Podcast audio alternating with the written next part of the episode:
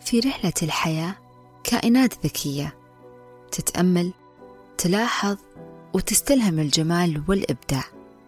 في هذه الرحلة راح أكون معاكم أنا شموخ عبد الكريم في بودكاست كائن حي.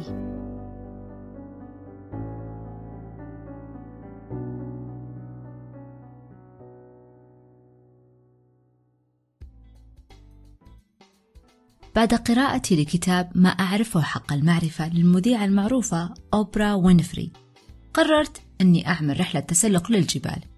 وفعلا انطلقت بقوة لإحدى الجبال القريبة من مدينة الطائف.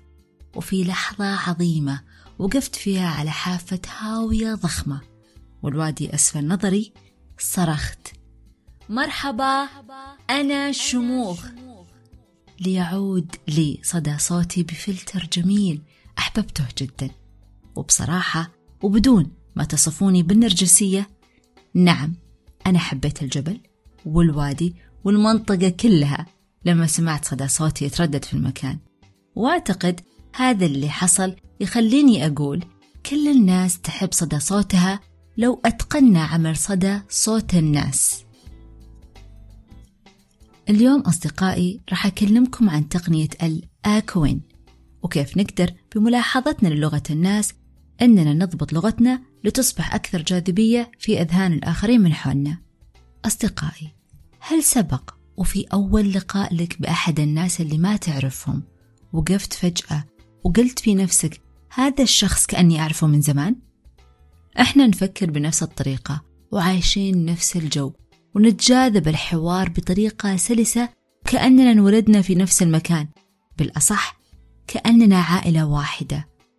الأحباب يسمون هذه الظاهرة كيمياء الرفقاء يسمونها رابط مشترك أهل البزنس يسمونها اجتماع عقول وأهل الدين يسمونها تلاقي أرواح.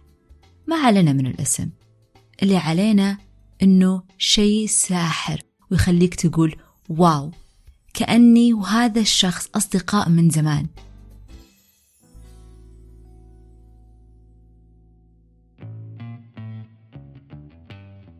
لما كنا صغار كان تكوين الأصدقاء شيء سهل أو بالأصح كل اللي في سنك تسميهم أصدقائي.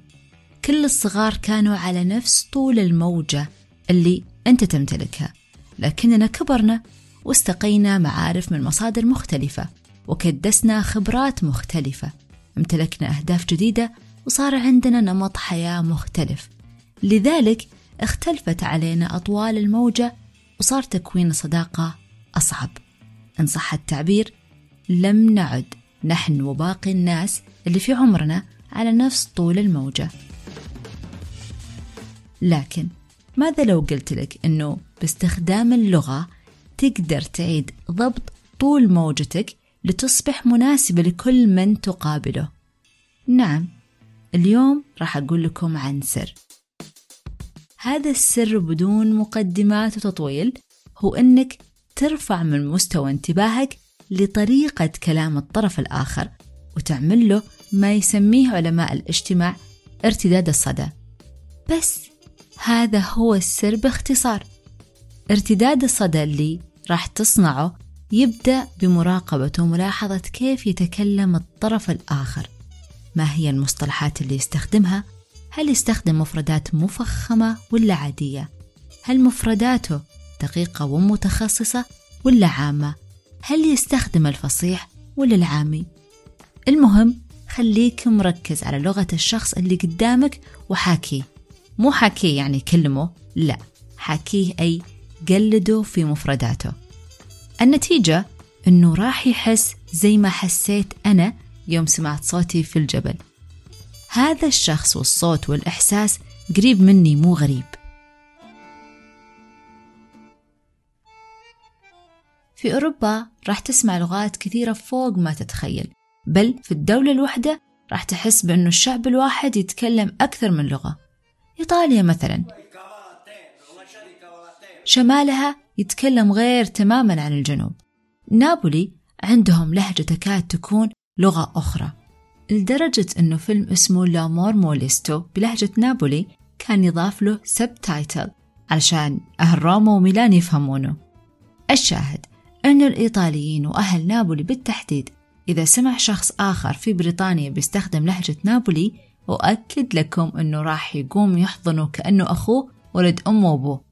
حصل هذا المشهد أمامي في مقهى على الشارع في لندن وفوجئت أنه ضيفي تركني وانطلق جهة زبون آخر وسأله ولما عرف أنهم من منطقة واحدة حصل هذا الحب الفجائي في عاصمة الضباب. الفكرة بسيطة وهي أنه اللي لاحظ أنك تتكلم بطريقة تشبهه راح يحس أنك منت شخص بعيد عنه وطبعا أثر هذا الشيء فوق ما تتخيل. الآن نجي للتطبيق العملي.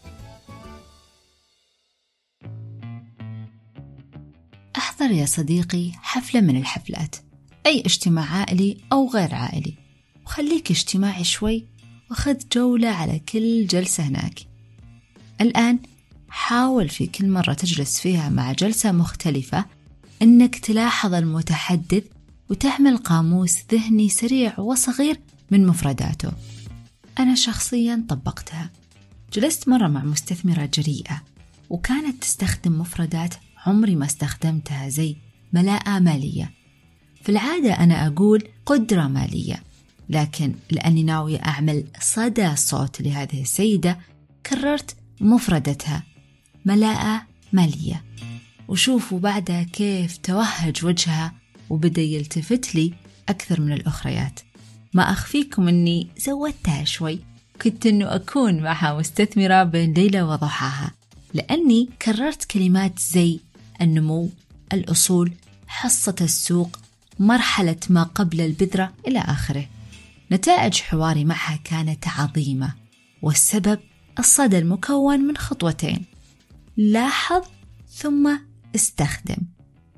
في النهاية قد يظن البعض أنه هذا خداع وقد يلومني آخرون بأننا نتحايل على الناس وعاطفتهم. المسألة أبسط من ذلك.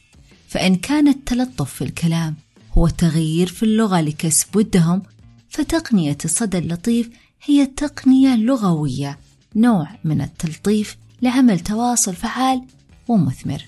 كنت معكم أنا شموخ عبد الكريم وبودكاست كائن حي. في أمان الله. في رحلة الحياة كائنات ذكية تتأمل تلاحظ وتستلهم الجمال والإبداع. في هذه الرحلة راح أكون معاكم أنا شموخ عبد الكريم في بودكاست كائن حي.